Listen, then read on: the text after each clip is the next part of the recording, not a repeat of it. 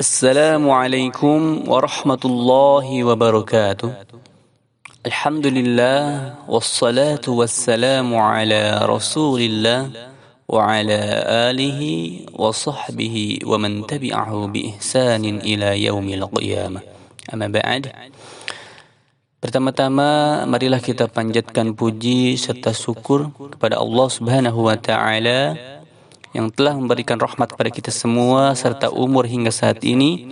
Mudah-mudahan eh, Allah memberikan umur yang barokah kepada kita semua karena untuk apa umur panjang namun tidak barokah.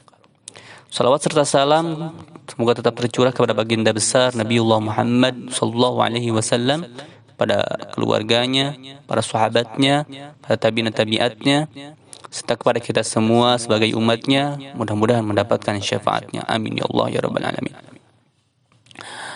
Ikhwani fillah, eh, pada kali ini kita akan meneruskan pembahasan sebelumnya terkait dengan hukum nun mati atau tanwin yang mana uh, kemarin kita telah membahas tentang idhar halqi sekarang kita akan membahas tentang idgom.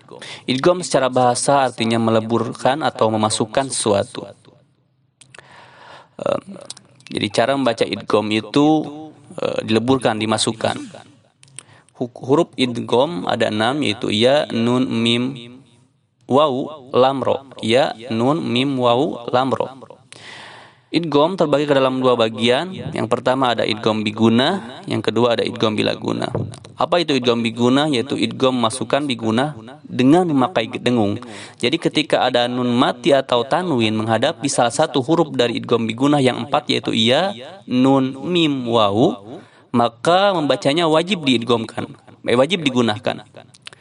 Guna itu dengung, wajib didengungkan. Contoh seperti pada lapat ومن يفعل ومن يضلل الله من يقول ومن نعمره jadi cara membacanya digunakan dulu dua harokat lalu masuk ke huruf setelahnya setelah nun mati atau tanwin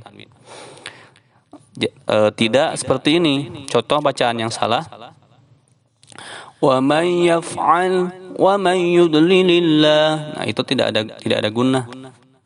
Jadi cara membacanya harus didengungkan sepanjang uh, dua harokat, satu alif dua harokat. Lalu lanjut ke idgom yang kedua yaitu idgom bila guna. Memasukkan tanpa memakai dengung. Hurufnya ada dua yaitu lam dan ro. Lam dan ro. Contoh pada lafaz mata'an lakum malal lubada هدى للمتقين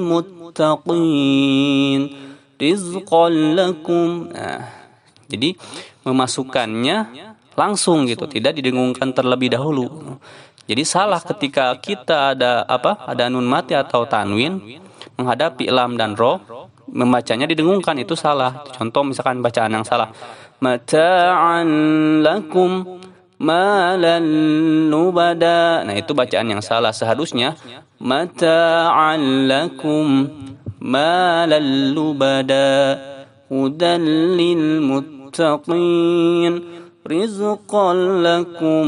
Nah, seperti itu. Jadi uh, hukum nun mati atau tanwin yang kedua itu adalah idgham dan idgom terbagi ke dalam dua bagian. Yang pertama ada idgom biguna, yang kedua ada idgom bilaguna. Hurufnya idgom biguna ada empat yaitu ya, nun, mim, wau. Ya, nun, mim, wau. Lalu huruf idgom bilaguna ada dua yaitu lam dan ro. Mungkin itu saja yang dapat saya sampaikan. Mudah-mudahan bermanfaat. Uh, mohon maaf apabila ada kesalahan. Uh, Billahi taufiq wal hidayah. Wassalamualaikum warahmatullahi wabarakatuh.